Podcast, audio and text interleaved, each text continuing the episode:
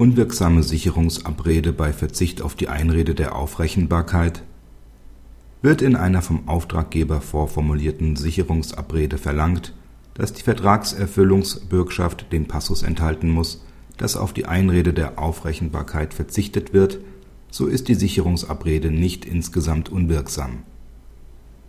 Der Auftraggeber bestellte bei einer Arge die Lieferung und Montage einer Haltestelle und Hofanlage für eine Schwebebahn in den allgemeinen Geschäftsbedingungen des Auftraggebers war vorgesehen, dass eine Vertragserfüllungssicherheit zu stellen ist.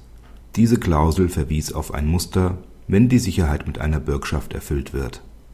Dieses Muster beinhaltete die Klausel auf die Einrede der Anfechtung und der Aufrechnung sowie der Vorausklage gemäß § 770, 771 BGB wird verzichtet.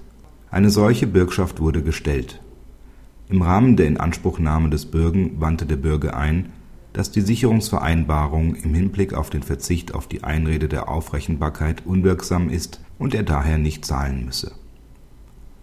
Die Unwirksamkeit dieser Bestimmung führt jedoch nicht zur Unwirksamkeit des gesamten Vertrags, vielmehr ist von einer Teilnichtigkeit der entsprechenden Passage im Bürgschaftstext auszugehen.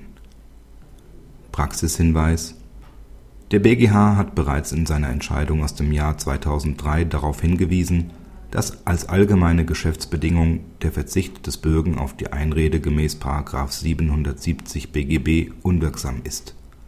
Dies führt jedoch nicht zur Gesamtnichtigkeit der Sicherungsabrede oder der Bürgschaft, weil der Bürgschaftstext dennoch einen Sinn und ein Gesamtgefüge hat, der auch ohne Verzicht auf die Aufrechenbarkeit auskommt